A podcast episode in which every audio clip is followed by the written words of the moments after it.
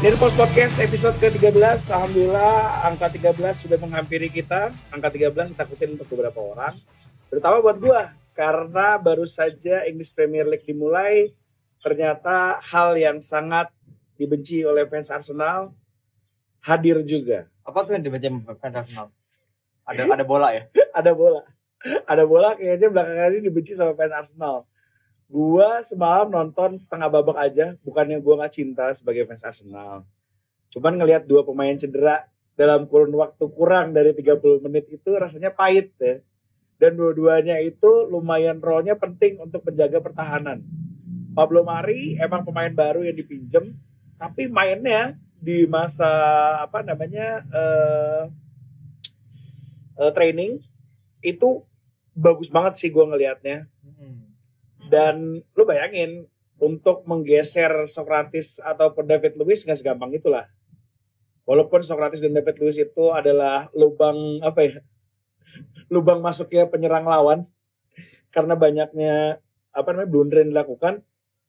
Tapi tetap role-nya mereka penting. Tapi Pablo Mari bisa uh, ngelewatin mereka untuk menjadi starter di pertandingan semalam barengan Mustafi. Sayangnya Arsenal kalah 3-0 melawan Manchester City Padahal gue ngeliatin itu apa namanya YouTube Coach Justin, Justol ah. kan gue nonton kan. Arsenal bisa walaupun sulit. Kalau karena Arteta tuh tahu luar dalamnya beliau, Manchester City. Beliau mah bias lah sama Arsenal. Tapi uh, sejak David Luiz masuk ada feeling-feeling bagus gak? Jujur, jujur gue suka sama David Luiz karena visinya dia bagus kan untuk oh, umpan terupas langsung ke depan tuh bagus Cuman emang David Luiz dari dulu sampai sekarang mau main di Chelsea, mau main di PSG, kurangannya itu blunder. Gue nggak tahu dia kayaknya setiap main tuh lupa minum vitamin kayaknya. Tapi dia uh, ini kayak mungkin salah satu yang paling notable ya. Gue sih yang inget dari David Luiz blundernya tuh yang dikolongin Suarez dua kali sih. Aduh. Gue inget. Tapi dia masuk sebagai pemain pengganti, blunder, terus ngasih penalti, kartu merah tuh mungkin rekor baru juga sih buat dia pribadi. kayak sekarang nggak nyampe 20 menit ya kejadian itu ya. Ya maka dari itu uh, gue nggak tahu sih David Luiz ini kayaknya stres juga karena ngomongin kontrak dia yang katanya nggak mau diperpanjang sama Arsenal kan. Oh iya.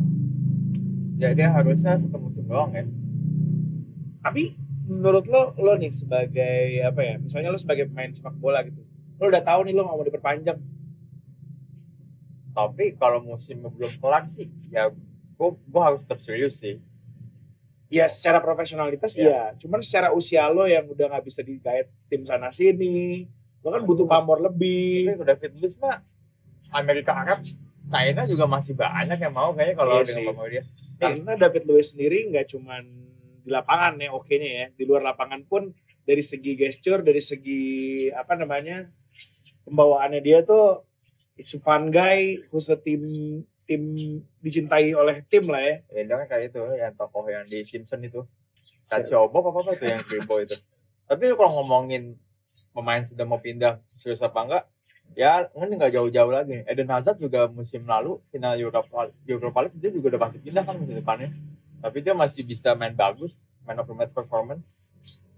Tergantung pemainnya juga sih itu. Di finalnya doang begitu lihat begitu kita lihat main di liganya kan nggak bagus Eden Hazard. Musim lalu. Nah, di liganya nggak bagus tapi di UEFA-nya ngecun parah. Gitu. Ingat gue sih yang Hazard musim lalu lumayan tapi emang nggak gitu-gitu amat cuman yang nggak buruk juga lah nggak kayak dia musim-musim 2016 itu yang di yang dia cuman satu gol satu asis apa gitu. Tapi nggak tega juga yang ngeliat Hazard di Madrid sekarang. Iya. Ya, apa, apa salahnya dia apa ya? Kurang ngaji kali ya? Apa keberatan nomor tujuh kali ya? Bebannya kan kan orang langsung habis Ronaldo iya, gitu ya. Kan pada bilang wah ini akhirnya ada juga nih bintang nih di, depan Madrid gini-gini. Siapa dong kasih nomor tujuh? Vinicius. Balikin ke Mariano Diaz lagi aja. Aduh, Mariano Diaz eh, lagi. terus uh, selain IPL juga semalam ada final Coppa Italia nih. Kalau lu pada lu pasti banyak juga nonton dan Cristiano Ronaldo lagi-lagi kalah di final nih, dua kali beruntun nih dia kan biasanya menang mulu nih. Iya. Yeah. Ini dia di Super Coppa awal musim kalah, kemarin kalah lagi di Coppa Italia. Nah, hmm, kendalanya kendalanya Juve itu menurut gua hampir sama juga kali ya sama Dortmund. Dia tuh butuh pemain ke-12 yaitu supporter. karena supporter di Liga Italia paling banyak Juve kan. Hmm. Stadion kalau kita nonton nih, kalau tim lain main pasti lapangan masih kosong tuh. Ada beberapa bench, ada beberapa standing yang kosong. Cuma kalau Juve kan selalu full kan. Ya benar. Terus kalau Dortmund juga seperti itu. Yellow wall ya. Udah paling terkenal seluruh dunia.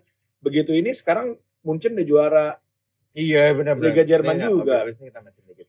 Tapi kalau Juve sih kalau menurut gue, gue, gue kan cukup merhatiin Liga Liga Italia. Nah, Mereka tuh lini tengahnya tuh lebih mementingkan kuantitas dibanding kualitas. Lu kalau kualitas dalam arti apa nih? Mereka tuh statistik. gelandang banyak banget. Oke. Kayak- apalagi musim ini aja datang Ramsey, Rabiot, terus belum lagi yang udah ada ada ada Kedira, ada ada Bentakur, Matuidi, Pjanic. Itu tuh kayak ba- eh, ya lu kalau eh, secara jumlah banyak lah bisa rotasi, tapi nggak ada yang bener-bener Pegangan lo lah ya. iya nggak ada bener-bener greget banget gitu. Beda kalau zaman Real Madrid jago kan, lu ada Modric gitu loh, ada Modric, terus eh, Liverpool juga gelandangnya lu punya Fabinho, punya Henderson yang ibaratnya bisa mengubah mainan lah gitu. Kalau Juventus tuh gelandangnya ya bagus tapi bukan yang greget greget greget banget. Dari segi suppliernya Ronaldo pun kalau dilihat dibandingkan di Madrid dulu susah sih ya. Soalnya eh, Juventus siapa lo ngandelin siapa Douglas Costa Iya. umpan ke dia. dan dan juga kan pola eh, sepanjang kita mengenal Mauricio Sarri ya di tiap tim dia tuh ada Jorginho yang yang kerjanya tuh ngumpan-ngumpan Iya, yang kerjanya iya, ngatur iya, jadi iya, regista Iya, iya. dan mungkin ini musim pertamanya Sarri nih yang kita perhatiin se- se- sejak dia di Napoli sampai ke Chelsea Juve nggak ada Jorginho nya pusing sendiri Iya bagi benar. Benar-benar. Karena kalau kita lihat Mauricio Sarri pun dari segi permainan nggak cocok sama sekali sama Ronaldo. iya dia kan or- mainannya kan bolanya jalan terus itu Bola kan. jalan terus. Sedangkan kalau main sama Ronaldo harus banyak dribble. Hmm. harus banyak dribble dan target man-nya pun gue bingung sih kalau Juve juga target man lu banyak kan Iya. Sekarang ada Higuain juga masih di Juve. betul Ya banyak itu lah dia banyak deadwoodnya. Kalau kata MLI masih di masih dicari kerjaan lain tuh. Yes, sekarang kalau misalkan eh jadinya kan gue sih lebih kesian ke Dybalanya ya Iya di balas. jadinya fungsi dia di role tim itu apa sebagai nomor 10 sebagai nomor 9 sebagai nomor 7 Atau sebagai pasien COVID. Tapi dia udah sembuh ya. udah sembuh dong Udah boleh main lagi. udah sembuh Iya. udah bisa main lagi udah bisa dijual Kayak eh, menurut lo bakal dijual tahun lalu hampir kayak MU kan. gosipnya kan. hampir hampir Tapi kalau eh, kata Fabrizio Romano sih belum ada gosip-gosipnya sih di Bala mau ke mana. kalau dari sudut pandang lo nih, Dybala ini bakal jadi something yang sukses atau akan jadi the next Javier Pastore? Oh, enggak, dia enggak bakal separah Pastore sih. Cuman ya enggak bakal jadi kayak level-level Ronaldo Messi juga. Dia udah 26 loh, udah udah bukan pemain muda lagi. Se Oke lah, se, se level-levelnya semane lah ya. Aymar, Aymar gitu lah. Ai- Dapet. Aymar, Aymar masih dapat deh jadi Iya, legend Valencia ya.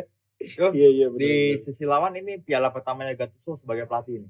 Gokil. Dan dua minggu lalu eh, saudaranya Gattuso, saudara ceweknya baru meninggal.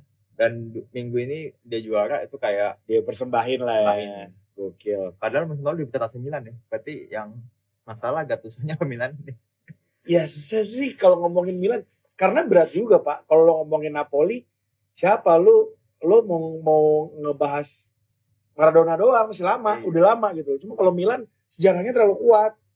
Sehingga masih itu. Ya. eh, dan juga pasti kalau Napoli menurut gua dari segi idealismenya masih bisa digoyang. Hmm. Pola bermainnya masih bisa membebaskan pelatih gitu loh.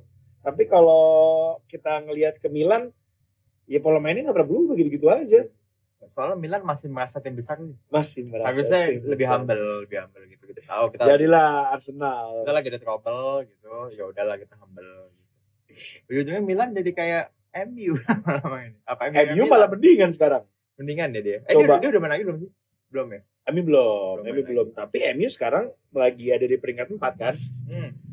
Jadi MU masih oke lah. Cuman kalau Milan, kapan terakhir Anda lihat Milan berfinish di zona Liga Champion? Dia terakhir kali main Liga Champions tuh pas MU juara IPL. Ah kan, GTA 5 baru keluar gitu. GTA 5 baru keluar. Keluar lagi di PS5. Untung bukan pas Vice City ya, kelamaan ya. Aman. Vice City City AS Roma. AS Roma. Anjir. Scudetto dulu. Bahkan lebih lama lagi tuh GTA 3 kayaknya tuh. 2001. Masih PS1 kayaknya tuh. Ya, tapi apa pun itu eh, fans Napoli akhirnya bisa merasakan juara kembali. Ya. Eh, walaupun sekarang di liga lagi kacrut kacrut kacrutnya, tapi alhamdulillah sekarang dia bisa mendapatkan piala. Se- Seenggaknya mereka sudah pasti lolos ke eh, Piala Eropa ya. Liga Eropa apa? Liga Eropa udah pasti lolos. Gue jadi inget kalau ngomong Liga berantakan ada piala jadi inget Wigan gue inget gak lu tahun 2013 Masih bu eh bu siapa namanya? City City masih Mancini tuh, Kipernya masih David James ya.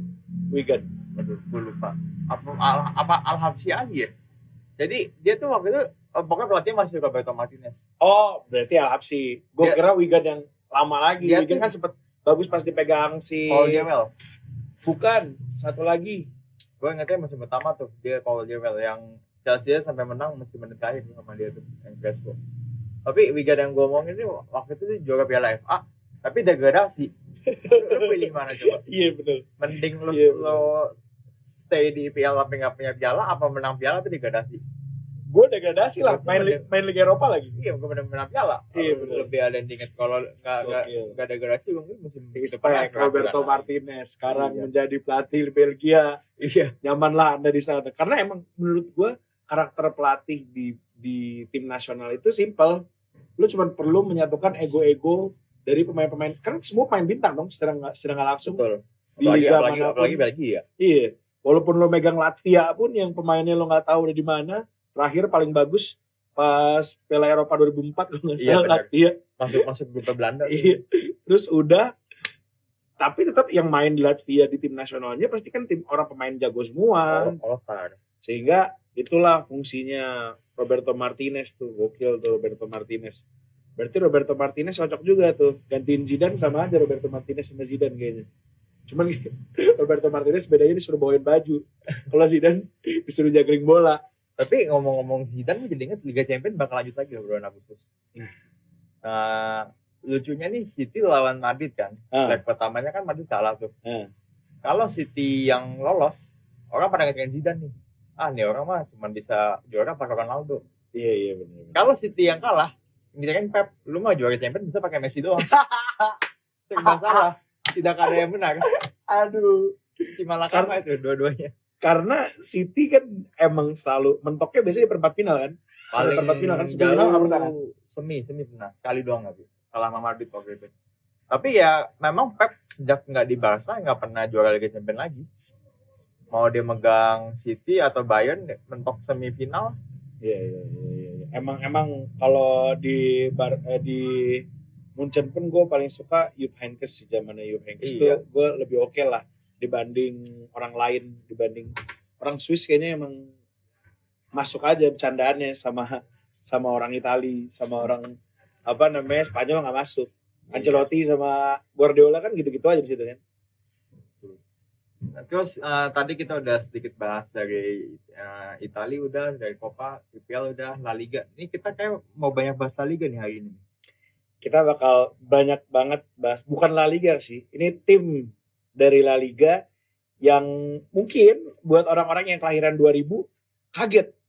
Kok ini orang bisa eh tim ini bisa jago sekali sebelum saya lahir? Berarti kira-kira kita bakal bahas apa? Jangan ke mana-mana tetap di Nirpos Podcast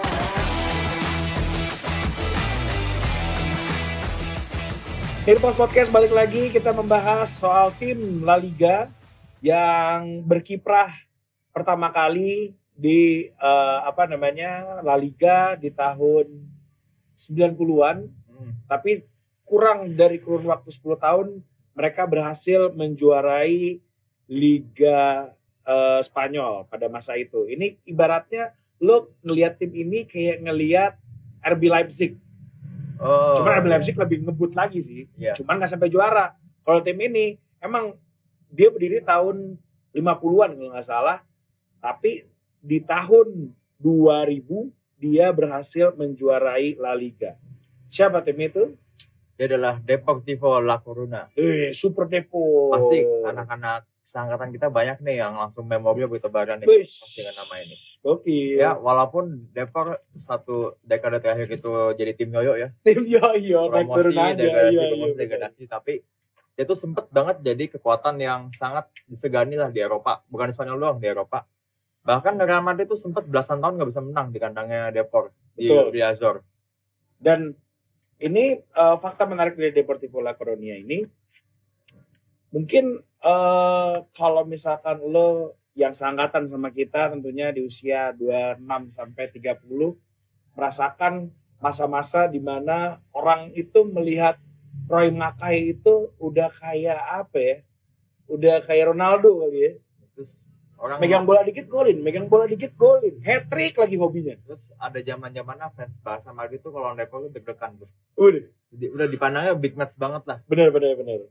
Kayak kalau zaman sekarang mungkin pantangan Atletico kali ya Eh, untuk untuk Ya, bisa lah, gitu bisa lah. ya. Pantan Atletico lah. Itu kalau dari Atletico dua musim lalu lah. Sekarang kan Atletico udah gak dianggap lagi lah. ya udah agak turun sih. Ya, cuman di dua musim tiga musim zamannya zamannya Atletico selalu masuk final Liga Champions. Nah itu lo lihat Deportivo tuh. Deportivo juga menarik karena seragamnya lumayan pasaran. Ya, Ngelihat Malaga, ngelihat Espanyol, Espanyol, Sociedad. seragamnya mirip. Cuman logonya itu, gue nggak tahu logonya tuh apa ya? Kesian kalau tukang borgir bikin susah ya. tebel banget, Ribet gede. Iya. Jadi kalau misalnya ngelihat Deportivo La Coruña sendiri, buat lo yang sempat, gue sebenarnya sama Aldi juga baru ngeh, baru ngeh dua hari, tiga hari yang lalu, ternyata Rivaldo sempat mampir situ sebelum ke Barca, Pak. Iya. Terus juga eh, Jamil Jalminha, Bebeto, Bebeto, pokoknya, eh, terus kalau dari Spanyol apalagi baik banget tuh like, eh, pemain-pemain cult heroes Iya. kayak Diego Tristan, Albert Luque. Itu Depor itu dulu bintang bintang baik banget ya.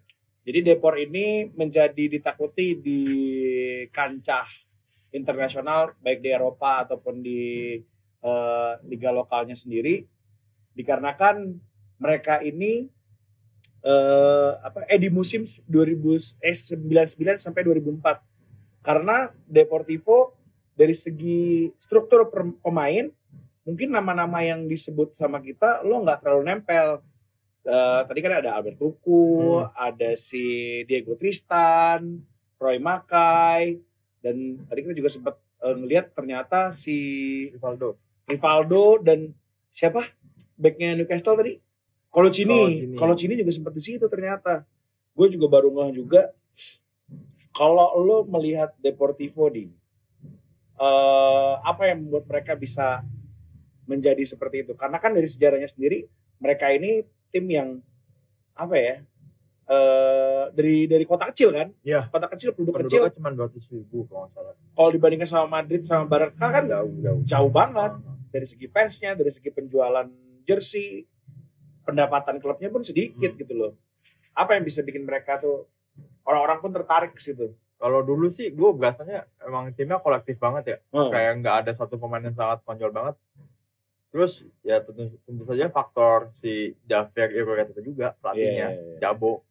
Itu tuh dia, dulu dia sangat terkenal bahkan Madrid tuh sempat pengen banget ngejar apa gaetnya jadi Kayak pelatihnya jadi pelatih. Eh, terus ya waktu itu juga sempat dipegang sama presiden yang ambisius dan memang jor-joran juga dalam beli pemain. Ya hasilnya sempat jadi raja Spanyol.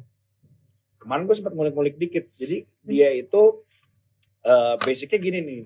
Lo bikin tim, lo minjem duit, minjem duit 500 juta euro, 500 juta euro, dia naikin untuk eh, belanja pemain sama gaji pemain. Ujung-ujungnya pemain ya ngac sih. Gue juga Iya. kalau misalnya disuruh main di situ, kayak ngelihat apa ya? Ngelihat eh, Leicester City lah waktu itulah. Iya, Leicester City disuntik, pemain masuk semua, begitu bangkrut kabur semua. Persis kayak gini. Di 2004 akhirnya eh, ownernya, jadi 2004 itu pencapaian di Liga Eropanya tertinggi ya.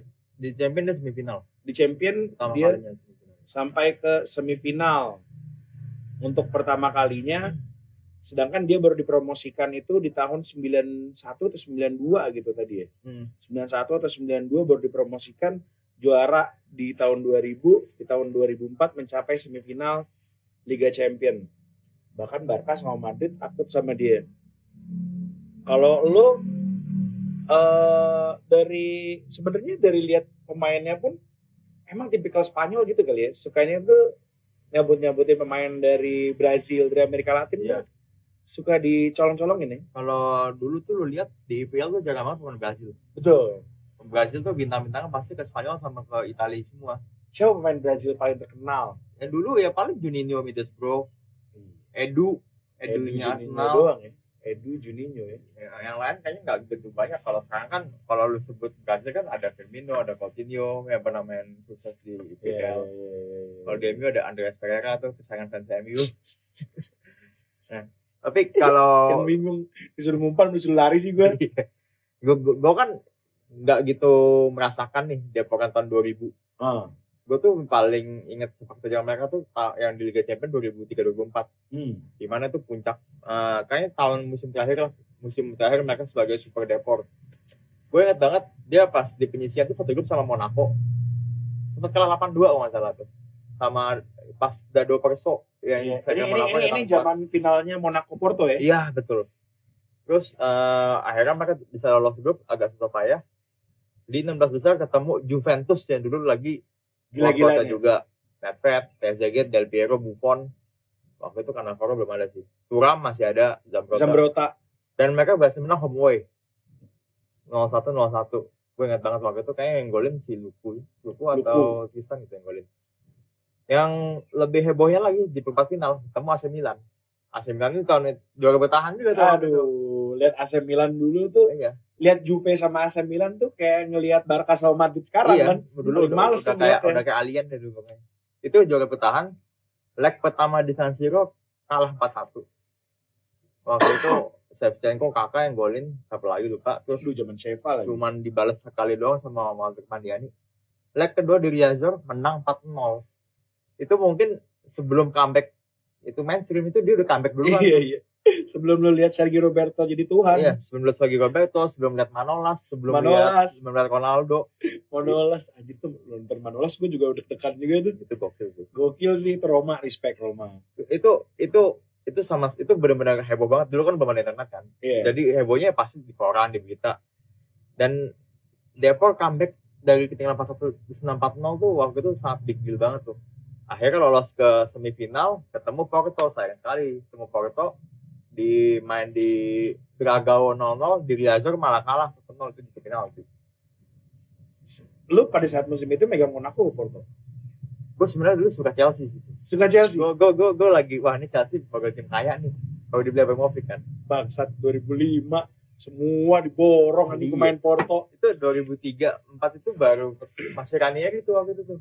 Dulu siapa aja yang dibeli sama si apa Chelsea ya? Dari Porto. Carvalho, Deco, Mourinho yang paling penting. Mourinho. iya. Nggak ada Mourinho, Carvalho penting. sama Deco nggak penting ya? sama Paulo Ferreira tuh. Paulo back Ferreira. sayapnya itu diboyong semua tuh. orang Liga. Champions. Nah, setelah musim itu em, masuk semifinal, musim depannya hancur lebur langsung dapet itu. Gue nggak tahu kenapa pasti ya masalah finansial, pemain-pemain Hmm. pada pada pindah. gue sempat baca-baca dikit dan denger eh, jadi si ownernya ini merasa memiliki kesalahan karena kan mereka masih tim berkembang ya, bukan tim maju lah Ya, belum mapan lah ya. ibarat belum negara mapan. maju jadi dari segi, dari segi finansial pun Belum masih gali lubang tutup lubang sedangkan pada saat musim itu dia masuk semifinal pendapatan oke tapi karena negaranya apa kotanya kecil pendapatan dari share TV pun nggak terlalu besar karena pamornya pun orang nonton Depor pada saat tahun Barca aja lo mau nonton Iya. itulah kekurangan Liga Spanyol kan Mhm. paling lu cuma pengen nonton big match big matchnya aja Itu kan El Clasico doang paling rame kan. iya Oh. zaman zaman dulu paling tim yang lumayan kita pengen tonton Valencia zaman Pablo Aimar kan itu kan Eh, Villarreal lumayan zaman dari Kelme Portland ya. ah Portland Riquelme itu lumayan sisanya udah Atletico pun zaman Torres masih Belum. Jadi kapten bau bau kencur doang Iya belum segitu menariknya lah buat Iya. audiens dulu. Torres itu menarik 2005 2006 musim berikutnya kan musim-musim dia sebelum Liverpool ya. ah Berarti bisnis model kayak Depok ini banyak ya zaman dulu ya. Banyak. Lazio, bener Parma. bener itu kan juga kayak duitnya banyak tapi nggak tahu dari mana sebenarnya lama-lama kolaps gitu. Ya sayang, sayang sih Depor sebenarnya waktu itu uh, sempet banget jadi hiburan banget di Spanyol. Jago kandang, hiburan pemain- alternatif pemainnya ikonik ikonik banget tapi lumayan dan eh, penjualan apa namanya eh, koran-koran sepak bola dulu juga lumayan laku gara Deportivo iya.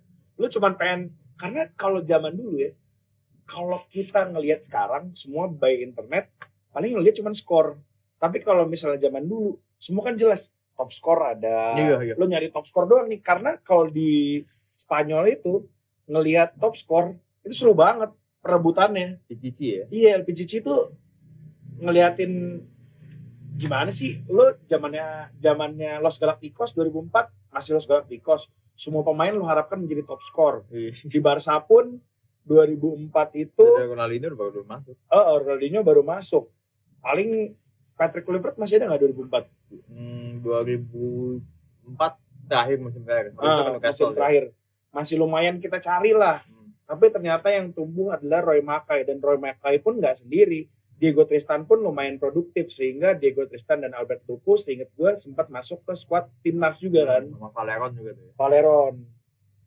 Sayang sih. Nah, gue ingat banget musim setelah dia masuk semifinal tuh dia dibantai habis-habisan tuh. Sama Valencia kalah 5-0. Madrid kalah. Cuman mojonya dia di kandang nggak pernah kalah sama Madrid tuh masih bertahan agak lama tuh dari 2004. Sampai musimnya Manuel Pellegrini baru bisa menang. Zaman-zamannya Ronaldo musim pertama musim masuk. Manuel Pellegrini itu musim dibantai Barca ya Bukan. Dia yang Messi golin hat trick itu Pellegrini bukan sih bukan bukan itu itu itu Mourinho ya itu kalau yang hat trick debut ya itu itu zamannya Juan de Ramos tuh kalau nggak salah Juan de Ramos tapi eh, dia baru bisa menang tuh tahun 2009 tuh. Sebelumnya memang dari tahun berapa ya? 90-an awal nggak pernah menang dari Real Madrid.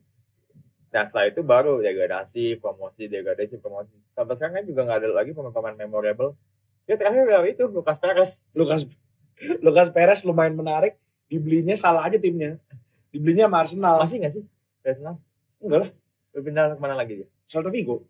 Oh malah pindah ke rival kota ya? Yo i iya iya. ah iya dan Depor ini rival kota Celta Vigo ya? Celta Vigo. Celta Vigo juga di musim itu di tahun musim 2000-an tuh lumayan menarik, Dulu- tapi nggak nggak pengen-pengen banget ditonton sih. awal 2000-an tuh Spanyol tuh timnya banyak banget loh yang yang aneh-aneh. Eh, maksudnya bukan tim besar tapi jago. Sociedad, Sociedad, Celta Vigo, Bilbao. Itu itu lolos Liga Champions loh Sociedad. Eh, Sociedad Bilbao eh, Sociedad Depok sama Celta Vigo tuh dalam musim yang sama lolos Liga Champions berarti waktu itu Barca yang nggak lolos Liga Champions Barca. dan Barca juga sempat Iya. hancur, sempat bapuk kayak pada masa itu.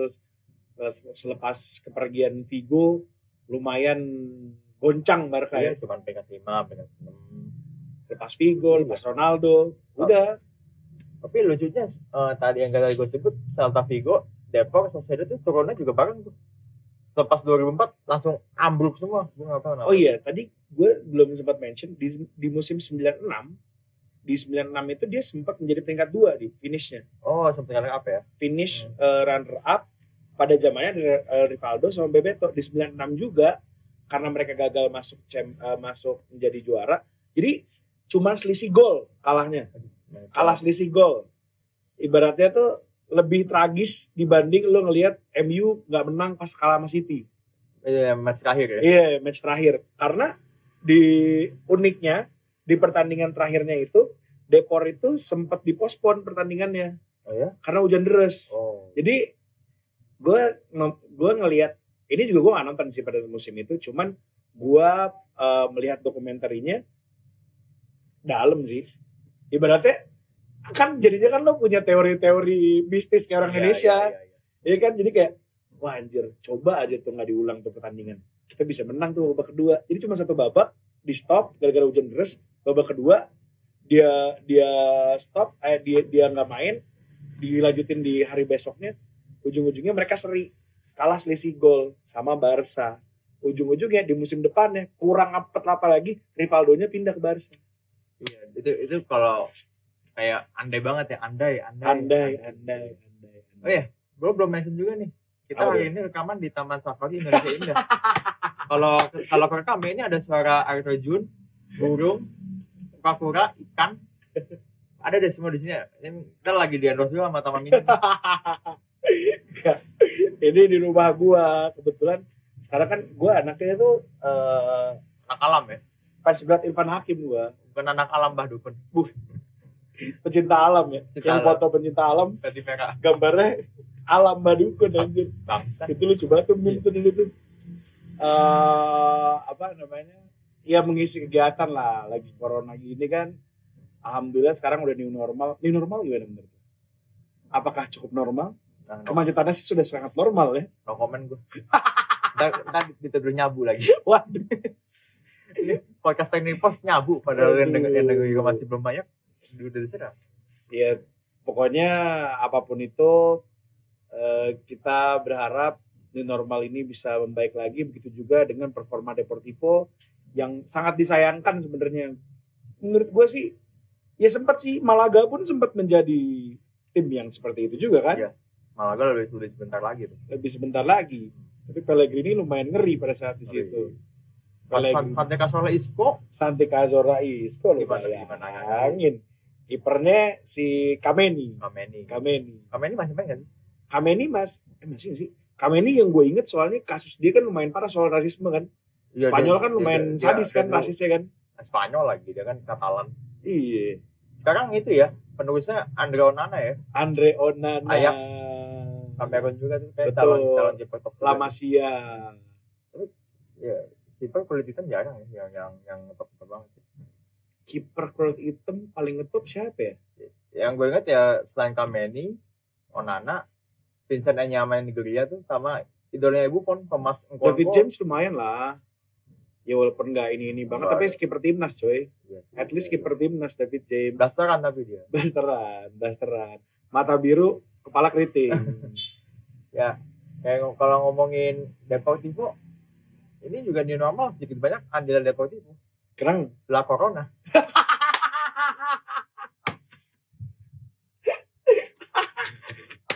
Lucu banget anjing bangsat. walaupun prestasi tidak tidak gitu nonjol tapi masih jadi pembicaraan Iya bener bener bener bener.